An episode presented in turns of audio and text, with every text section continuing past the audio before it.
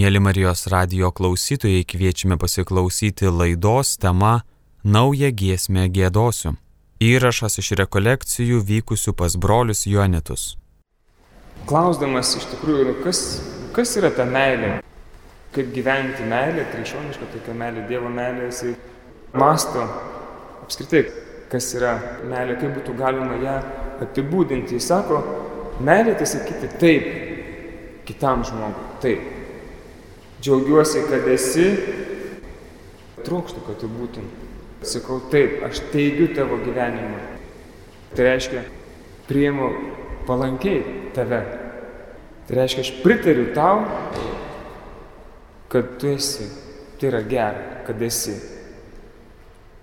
Ir jisai truputėlį šitą vysto toliau, sakydamas, tas, kuris myli, atranda, kad kito buvimas yra geras. Yra gera, kad tu esi. Jeigu aš myliu, tai aš noriu, kad tu būtum ir būtum kuo pilniau, kuo labiau, su viskuo, kas esi, kad labiau išsiskleistum. Ir pastovi yra tas patvirtinimas. Taip, labai gera, kad tu esi popiežius. Tuo metu dar nebuvo popiežius, kai jisai tuos žodžius sakė, jis dar buvo kardinolas Ratzingeris. Sako, taip, meilė yra sakymas, taip, kito tu. Aš turiu savo aš ir kitas irgi yra, turi savo aš. Ir kai sakau taip kitam, jo asmeniui, su visko, kas jis yra, sako, tai yra meilė. Toks trumpas, gražus apibūdinimas.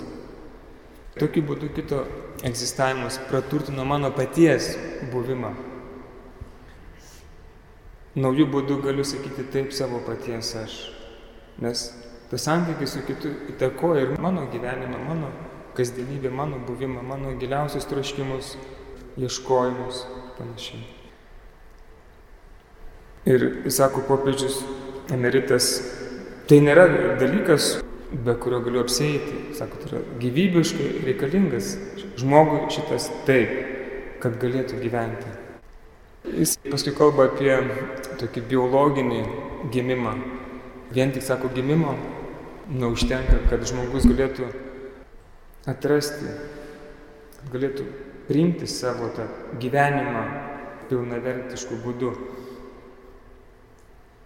Sako, biologinio gimimo nepakanka, žmogus gali pritarti, priimti savąjį aš tik tada, jei susilaukia iš kito, iš to tu stipraus savojo buvimo patvirtinimu. Ne tai, kad, na gerai, labai fanai, kad visi galim kartu pažaisti arba kažką, tai aš nuo tavęs galiu nusirašyti namų darbus, ne, bet toks tikrai džiaugiuosi, kad esi. Žmogui gyvybiškai tai yra svarbu. Ir per tokį pripažinimą e, asmuo e, tarsi iš naujo atgimsta. E, atgimimas jisai gimė, bet kad pilnai tas gyvenimas išsiskleistų jam būtinas tas santykis su kitu, kuris jį patvirtina. Nes kitų atveju jis gali likti neišskleidęs, nepilnas ir pasilikti tarsi susipriešinęs su savimi. Ir jis duoda palyginimą, kaip pavyzdį, kad paaiškintų, ką jis nori pasakyti. Sako, gyvenimas tų vaikų arba tų žmonių, suaugusių, kurie per pirmuosius savo egzistavimo mėnesius buvo apleisti ar pamesti arba kažkaip neprižiūrimi savo tėvų, kurie nesulaukė tos meilės, kuris sakytų, taip vaikeli, noriu, kad tu būtum, aš tavęs laukiau su meilė Tu man esi brangenybė, kuris sakytų, kitaip sakant, taip, noriu, kad būtum gražu, kad esi, jie užauga su tokiu nepilnavertiškumu, kažkokiu tai jausmų kompleksui, tarsi susipriešinęs, tarsi neišsiskleidęs, tarsi kažko trūktų jo, tam savojo aš e, pilnavertiškumui. Čia tokia įžanga, kuri padės po to geriau suprasti tai, ką aš norėsiu pasakyti apie mergelės Marijos taip, fiat sakinį.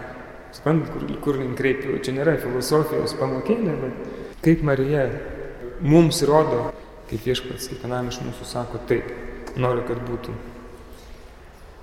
Tai yra svarbu, kad dabar savo patirtyje atrastumėme, kad tas tikrai vyksta atgimimas, kai mes gyvenime sutinkame mylinčius tėvus. Galbūt yra normalu, nes turėjom tokius tėvelius ir netgi nesusimastėme, bet vėliau gali būti sutuoktinis, sutuoktinė arba netgi kažkokie artimi draugai, artimi žmonės, kurie turi tokią įtaką mūsų gyvenime, kaip tarsi vyksta atgimimas, išsiskleidimas mūsų. Aš. Neužsidarimas į save, bet išsiskleidimas reiškia tas, kuris per tokią meilę, per tokį teigimą subręsta, jisai pats yra, matysime, apie tai kalbėsime, jis pats yra pajėgus eiti tą taip sakymą kitiems, jis pats pajėgus duoti, pats pajėgus kitus sustiprinti. Tai nėra, kad aš dabar užsidarysiu tik į save ir aš džiaugsiuosi, koks aš gražus. Čia matote, tada būtų žmogus, kuris visą laiką lieka tarsi vaiku ir netgi gali būti, kad išsigimsta ir tampa tokiu narcistišku, užsidaręs į save, egocentriškas žmogus. Ir popiežius lygina savo šitą pasakymą apie taip sakymas, jo sako, yra sukūrimas ir atpirkimas.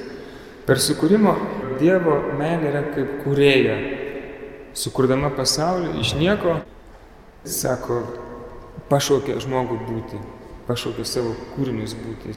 Jisai duoda tą gimimą, sakykime, biologinį, ne, kaip žmogus, kad gimsta, būdamas vaikas iš tėvų, gauna tą gyvenimą. Bet sako Ratzingeris, pilnai, kada žmogus atranda, kad Dievas jam sako, taip, besąlygiška, taip noriu, kad gyventum, sako, tai yra žodžiai taip įrėžti ant kryžiaus kryžiaus medžio. Tai yra Dievo antrasis ištartas taip ant kryžiaus. Tai yra mūsų atgimimas, kuris mus įgalina būti gyvai žmonėmis. Šis naujas gyvenimas, jis sako, Ratzingeris yra galutinis ir nešaukiamas. Ir po to jisai sako, iš čia kyla nuojauta, kad esame pašaukti dalyvauti paties Dievo sakomame taip. Nes ir patys sulaukime Dievą mums sakant taip. Pavyzdys galbūt, kuris dažniau girdėtas jums, yra, kad ir iš šventų rašto, ir per visokius mokymus susilaukime iš Dievo gailestingumo tam, kad būtumėm gailestingi kitiems. Einu iš pažinties ne tam, kad paskui kaimynams sakyčiau, aš tai geras, o jūs kokie blogi, bet kad sakyčiau, Dievas man atleido, galbūt ir aš irgi esu kviečiamas atleisti, sakyti taip kitam. Taigi čia yra tokia kaip misija būti Dievo bendra kūrėjais. Su meilė sakant kitam taip. Čia labai tokie stiprų žodžiai, nes per nuodėmę, per kažkokią tai kritiką, per žeminimą kitų dažnai mes būname ne tai, kad neutralūs, pasakiau, tavo nosis kaip kokio begemoto vaikui, tai gali būti gili tokia trauma. Ir apskritai, suaugusiems, pavyzdžiui, kažkokie neįvertinimas, nemailė, atmetimas, paniekinimas.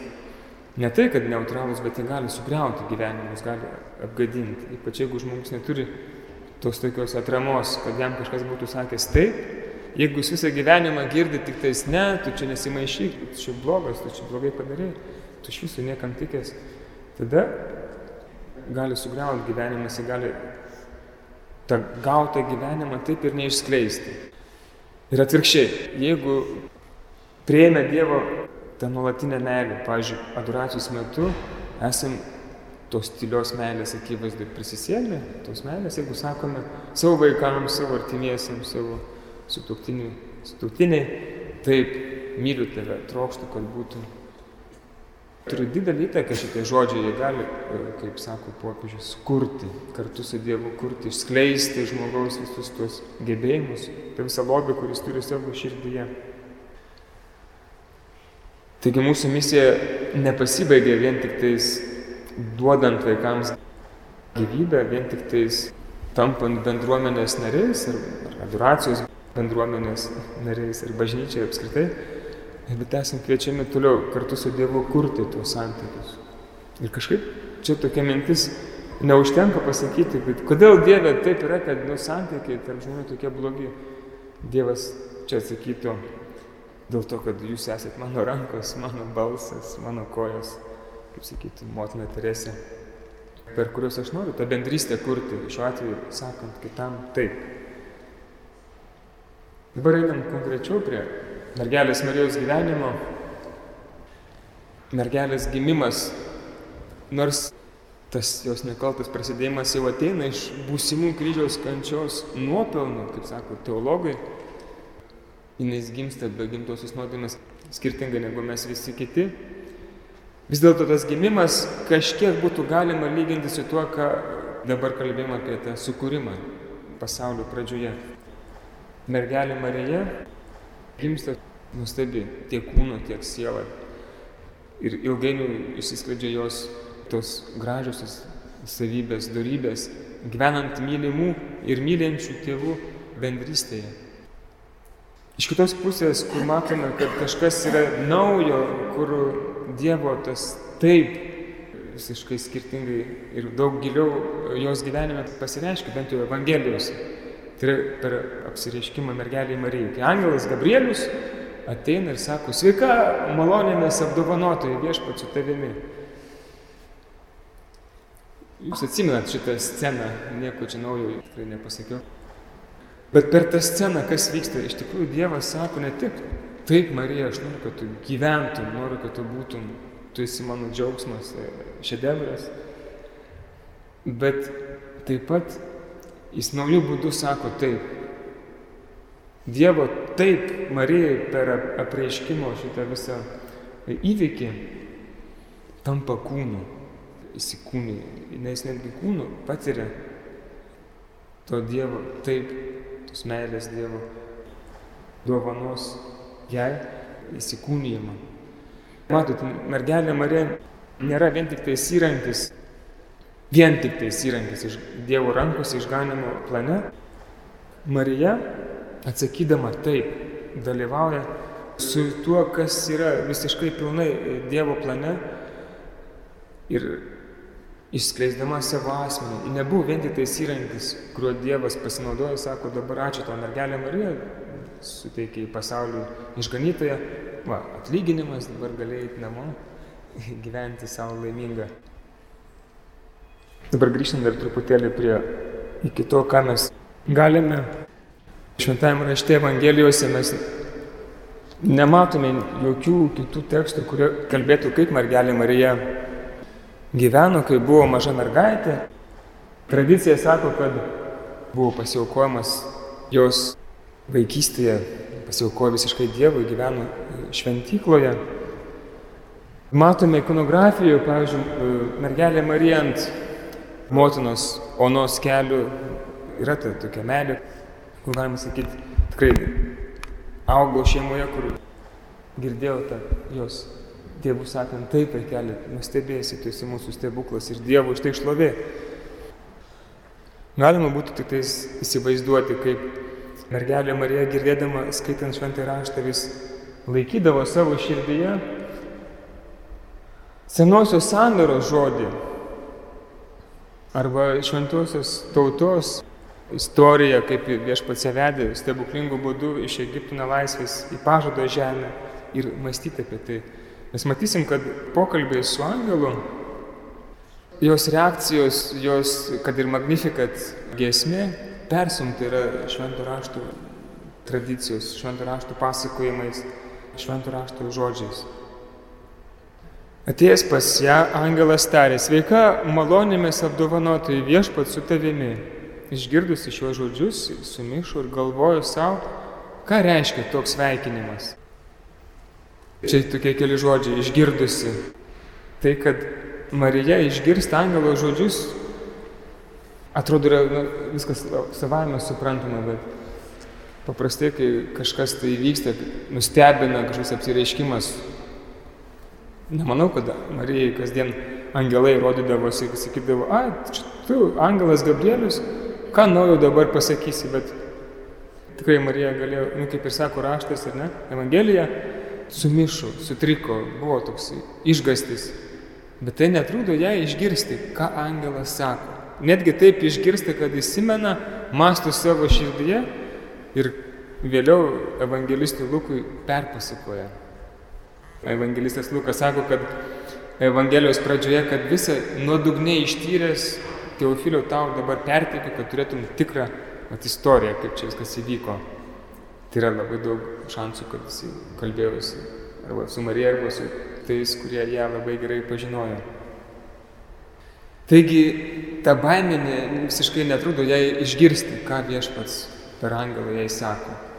Skirtingai negu Petras, kai užeina debesis ant e, taboro kalno, jis sako, nes jis žino, kas sakas. Gera mums čia būti, pastatykim tris palapines. Vieną tau, kitą lyjui, kitą mozį. Jokio atrodo ryšio su tikėjimu ir kažkas, kas labai svarbaus čia vyksta, nėra. Arba Zakarijas taip išsigasta šventykloje, kad nukalba.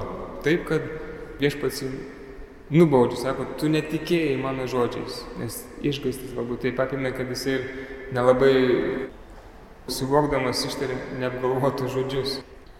Marija ne tik tais girdi, bet ir galvoja. Graikiškas žodis, lyg sakytų, kad netgi buvo toksai dialogas su savimi. Tarsi Marija dar sugeba atsitraukti, pažiūrėti į angelą ir jo žinę iš šono. Tai rodo, kad yra pasėtas natūralus žmogiškas baimės pojūtis ir taip pat, kad yra laisva. Ne taip sutrikusi, kad visiškai darytų, ko būdama sąmoninga ir neišsigandusi, nedarytų niekada. Ir mes matome, kad jinai yra taip pat Dievo žodžių persijėmusi asmenybė. Keletas citatų iš šventų raštų, galbūt padės giliau suprasti, kaip tas svarstymas jo širdyje galbūt kilo, kodėl taip jinai dėmėjosi viską savo širdyje.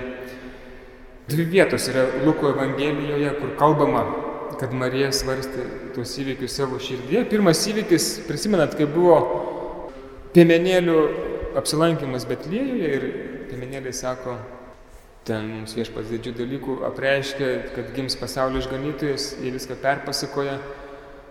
Ir Marija, sako, visą tai laikė savo širdyje, svarstė savo širdyje. Antras epizodas yra, kai atranda Jėzų jau 12 metį šventykloje, pasilikusi Jeruzalėje, sako, vaikeli, kodėl mums tai padarėjai, žiūrėk, tavo tėtis ir aš, kaip mes pergyvename, ieškome jau trečią dieną tavęs. Ir Jėzus atsako kažką, ko Marija sako, tuo metu tėvai nesuprato, gimdytojai nesuprato jo žodžių. Bet Marija nesakė, aš nesuprantu ir užmirštu, bet Marija svarstė, laikė visus tuos įvykius savo širdyje. Na, jeigu žiūrim dabar į Seną testamentą, pavyzdžiui, Ezekėlio knygoje viešpats sako, Marusis, imk savo į širdį ir išgirsk ausimis visus mano žodžius, kuriuos tau sakau. Arba psalmė 37 savo Dievo mokymą teisusis laiko širdyje, jo žingsniai nuo mokymo nenuklysta. Arba kita psalmė, Dieve, tavo mokymą turiu širdyje. Ir dar kita psalmė, tavo įsakai yra teisus per amžius, padėk suprasti, įdant gyvenčiau. Matom, kaip šventame rašte kviečiama ne vien tik tais, kaip dabar galbūt šiais laikais, kai skaitom šventą raštą, labiau čia viskas sukasi kažkokius tai žinius, informacija, daug informacijos, šventas raštas. Bet Biblijoje, jeigu mes skaitome nors keletą žodžių, matome, kad, sako, čia reikia nuleisti, kad viskas įeitų į gyvenimą, į tavo kojas, netgi tai tavo kūną paliečia. Matysim netrukus žodžius iš patarlių knygos. Antros skyriaus pradžios. Mano vaikė, jei priimsi mano žodžius ir branginsi širdyje mano įsakymus, Jei palenksi ausį klausytis išminties ir atversi širdį, norėdamas suprasti, jei iš tikrųjų šauksiesi išvalgos, jei sieksi supratimo, kaip žmonės ieško sidabro ir ieškosi jo tarsi paslėptų lobių, tada suprasi pagarbę viešpatės baimę ir sužinosi, ką reiškia pažinti Dievą. Arba kita iš patarlių knygos ketvirtos skyriaus, mano vaikė, klausyk mano žodžių, palenk ausį mano posakiams, neišleisk jų iš akių, laikyk juos giliai savo širdyje, juk juos turintiems jie yra gyvenimas ir sveikata jų kūno. Atsidėjęs saugok savo širdį, nes iš jos teka gyvenimo šaltiniai. Iš Marijos širdies ne tik teka gyvenimo šaltiniai, kažkokie išmintingi žodžiai, bet iš jo širdies matysim iš tiek ir pats gyvybės autorius, pats gyvybės šaltinis, Dievas tapęs kūnu. Bet kaip šventasis Augustinas sako, Marija prieš pradėdama Jėzų Dievo žodį iššiose pradėjo pirmiausia savo širdyje. Prieš tapdama motina pirmiausia tapo Dievo išminties mokinė. Ir čia mes matom, kad kai angelas susitinka su Marija, visą tai išlenda. Kaip sakiau, jinai nėra baimės prispausta ir nesako, taip Dieve, ką noriu tą daryti, aš su visko sutinku, nieko ne, neaiškink, aš nieko nesuprantu, bet sutinku. Ji taip pat ir nėra tokia, kuri sako, a, aš čia viską žinau, Dieve, aš turiu tau kelias sąlygas, jeigu padarysi tą, tą, tą ir tą, nes aš esu protinga moteris, tada sutiksiu. Nėra, nėra tokio. Jo svarstymas širdyje nėra tam, kad įvertintų, ar čia dabar teisingai kalba Gabrielius ar ne. Kas vyksta jo širdyje? 107 psalmė sako, išmintingas žmogus pastebė šios dalykus, jis mąstys apie viešpaties ištikimąją meilę.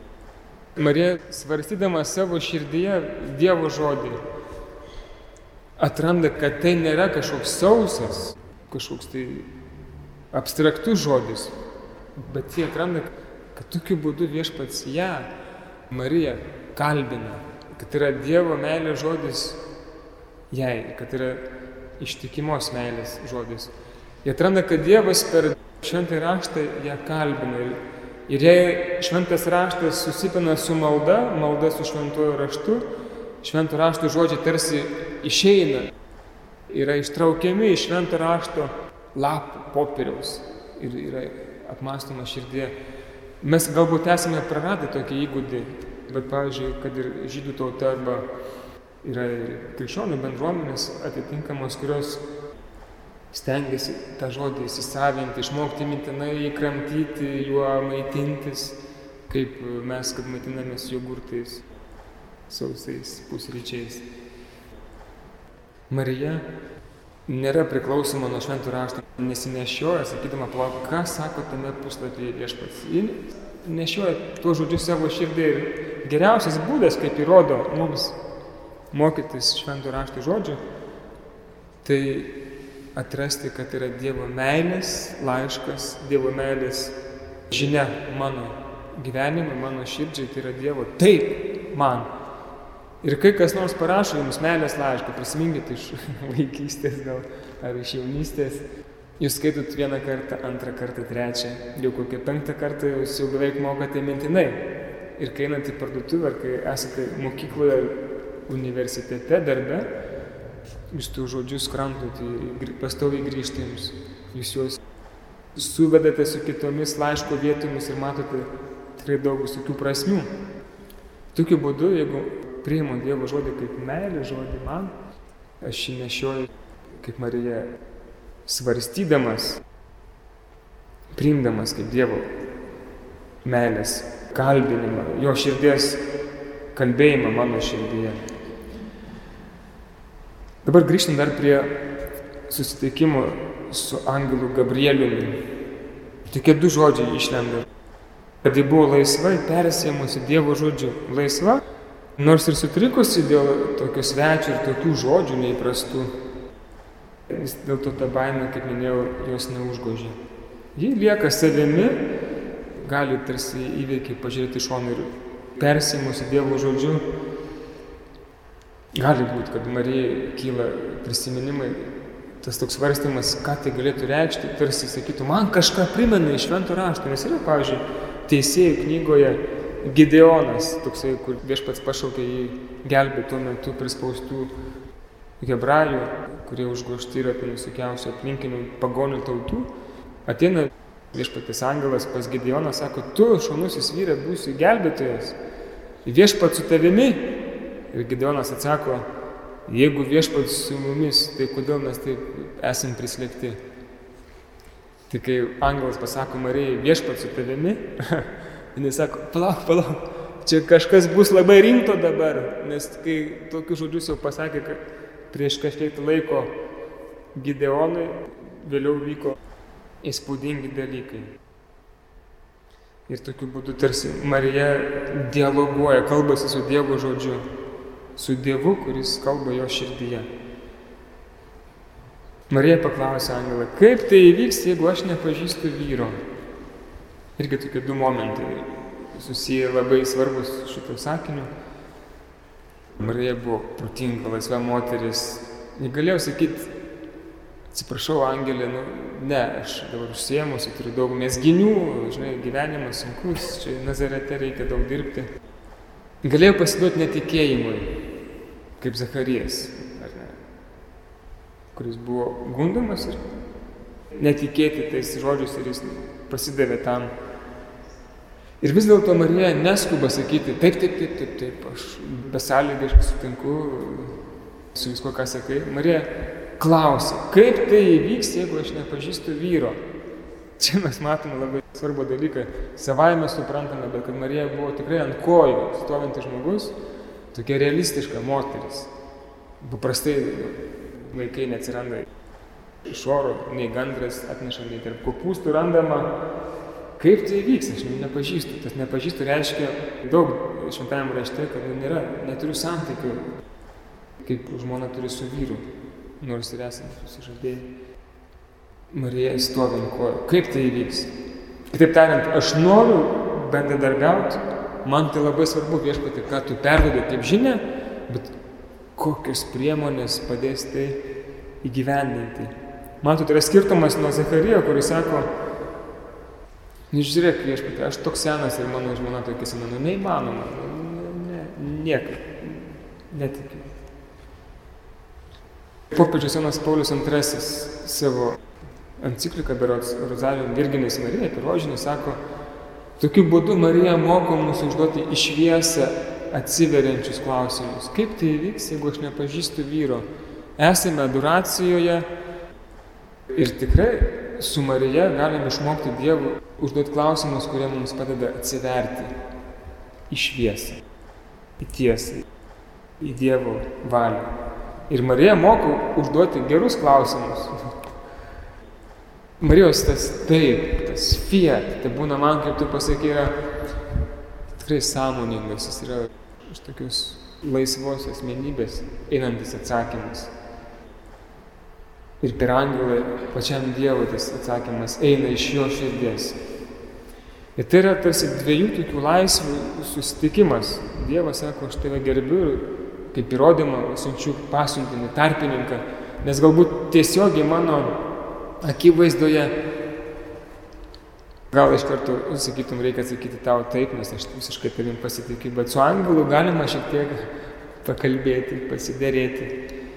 Taigi yra tos dvi laisvės - Dievo laisvė, Dievo meilės planas, sako, aš tave kviečiu prisijungti ir Marija, kuri laisvai priima, apmąsto Čia labai svarbu ir tikrai trokštų viešpatį priimti tai su viskuo, kas esu, matome jos atsakymą. Štai aš viešpaties tarnaitė, pažodžiu, vergė. Tai atsitinka man pagal tai, kas tavo pasakyta. Tai ateina tas, apie kurį tu čia kalbė. Tai reiškia, Marija, du dalykai visiškai pasiveda visą kuo kūnu, sielą, savo visai, visų gyvenimu, visą kuo, Dievo meilės planą. Ir kitas dalykas, kad ji nori aktyviai bendradarbiauti. Ateini, čia kaip mes sakom, ateini tavo karalystė, tai nereiškia, kad aš dabar sėdėsiu ant lovos, o tu viešpatie padaryk viską, visą kitą. Matome šventajame rašte įdomią tokią vieną vietą, kur jūs sakysit, nu koks čia gali būti ryšys su mergelė Marija, bet antroje Samuelio knygoje 20 skyriuje, tikriausiai nelabai apie tai ir per mišes tokius tekstus skaitome, yra tokia viena išmintinga moteris.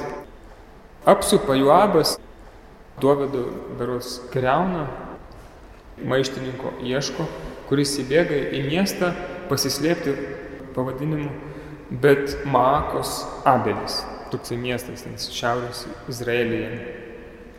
Ir ten jau beveik tą miestą jau apsupo, beveik sugriaus, beveik visus ten žmonės išnaikins. Viena moteris, išmintinga moteris, kaip sako tekstas, per kraštą šaukia. Aš noriu kalbėti su jūsų vadu, su Juabu. Ateina, sako, Klausyk, šitas miestas yra labai svarbus miestas. Čia kažkada pranašai e, dirbo. Kodėl tu nori sunaikinti Izraelio paveldą? Joabas sako, aš nenoriu sunaikinti paveldo, man reikia šito niekšo, kuris čia maištauja. Suimti jį. Moteris sako, viskas bus gerai, mes tau jo galvą išmesime per tvorą. Ir taip, pasitarė su visais gyventojais, tam maištininkui nukerta galvą ir išmeta per tvorą, Joabas atitraukė visus savo kariškius ir miestas lieka sveikas. Šitoksai nelabai krikščioniškas pasakojimas. Atrodytų, šiandien vaikams sakytų, oi, baisu, kaip kažkaip per religiją. Bet simboliškai žiūrint į šventąjį raštą, prisiminkit pradžios knygą ir kai viešpats pažada moteriai, kuri nusideda, kad tavo palikonis traiškis galvą žalčiui, kuris tikos įgelti į kūną. Ir Marija yra Jėvos tas palikonis, palikonė, kuri sutraiško žalčių galvą. Būtent tas sakymas taip, kaip visi šventieji paskui apgėdos, apdainuos, lėmė, kad ateitų, mat tokiu būdu pasaulio išganytojas, kuris ant kryžiaus sutraiško velnio galybę. Tam turėjo prasme, mes matome Mariją vaizduojama su gyvate, su žalčiu po kojomis. Taigi jos taip turi labai didelių pasiekmių visai žmonijos istorijai, išganimo istorijai. Dabar, kai angelas sako viešpat su tavimi, norėčiau grįžti apie tai, ką mes kalbėjome susitikimo pradžioje, tas Dievo sakomas taip, noriu, kad būtum, noriu, kad gyventum. Kai angelas sako viešpat su tavimi, tai tas pats, kaip sakyti, tu esi malonėmis apdovanoti, tu radai malonę pas Dievą, tu pradėsi išėsi aukščiausiųjų sūnų, tavo kūdikis bus vadinamas Dievo sūnumi ir šventoji dvasia nužengs ant tavęs. Viešpats tikrai su tavimi ir šventoji dvasia nužengs ir Dievo sūnus gims iš tavęs ir štai aš dabar Dievas tėvas siunčiu angelą, kuris tau visą tai perduoda. Viešpats tikrai yra su tavimi. Viešpats su tavimi yra Dievo taip sakymas Marijai. Taip, aš esu su tavimi, nebijok. Aš noriu, kad gyventum, kad apšiai būtum pripildyta gyvenimo. Tas Dievo sakymas taip Marija reiškia, kad Aš tave pašaukiau nuostabiam gyvenimui, pripildžiau jį savo dovanomis ir dar pripildysiu nuostabesnėmis tavo atsiųsiu patį save, savo visą meilę, kuri taps kūnu tavyje ir tu dalyvausi nuostabiame dalyke. Visa švenčiausia trejybė apsigyvens tavyje, nes pirmiausia, per šventą dvasę, kuri nusileidžia kaip balandis, įsikūnėje viešpats ir Jėzus paskui sakys mokiniams, Kas mato mane, mato tėvą. Aš ir tėvas esame viena. Tai reiškia, Marija dalyvauja kažkokiame nuostabiame dalyke, kurį mes išgyvensime tik galbūt pilnai danguje, būdami Dievo bendrystėje, dalindamiesi jo amžiną meilę. Ir tas Dievo taip, Marija sako, aš turiu meilės planą žmonėje, ar sutinki jame dalyvauti. Aš trokštų jau nuo dabar kad tu būtum pripildyta visos švenčiausios trybės gyvenimo. Ir Marija sako, te būna man, kaip tu pasakėjai. Marijos taip į Dievo, taip, į tą Dievo meilės kreipimąsi, tai yra nuostabus kurie ir kūrinio dialogų šedevras. Kai einame į adoraciją, mes taip pat kalbame kaip kūrinys su kūrėju. Adoracija yra pirmiausia mano kaip kūrinio tokia laikysena kūrėjo akivaizdoje kurėjo, kuris įkūnijama švenčiausiame sakramente, kuris nori pasilikti švenčiausiame sakramente, bet taip pat aš jį sutinku ir visur. Kitokiu būdu, žinoma, gamtoje galiu sakyti, va, viešpatį tau šlovė kaip šventasis pranciškus, kad šlovina viešpatį per kūrinyje, gali sutikti per žmonės, per maldą, įvairiausius įvykius. Marija sako taip, kuriejų. Dievo taip per apreiškimo sceną tarsi atkartoja visus Dievo taip kūriniui ištartų šventajame rašte. Čia yra labai svarbu, Marija tarsi sutraukia, tarsi tokia sintezė padaro visų tų Dievo meilės kreipimus į žmoniją per visą šventą rašto istoriją, per Dievo tautos istoriją. Ir Marijos taip atsakymas į tą Dievo meilę savo ruoštų jaudžia visų žmogaus tos atsakymus Dievui. Taip, viešpatė, myliu tave, trokštų atsiliepti tau meilę į meilę. Ir tuo pačiu, dabar kas yra labai svarbu, tas suprasti, kam aš taip ilgai pasakoju apie Mariją, kad per ją, kai šitą dvasę veikia per Mariją, kad įsikūnytų viešpats Jėzus, Dievo žodis, tapęs kūnu, taip ir aš savo gyvenime, kai skaitau šventą raštą, kaip ir Marija priimu tai kaip man Dievo skirtus žodžius, ir taip pat išsakau savo atsakymą šiandien, savo situacijų, savo gyvenimų, savo tuose išbandymuose, kuriuos galbūt viešpats duoda pereiti. Mėlėjai klausėmės laidos tema Naują giesmę gėdosiu.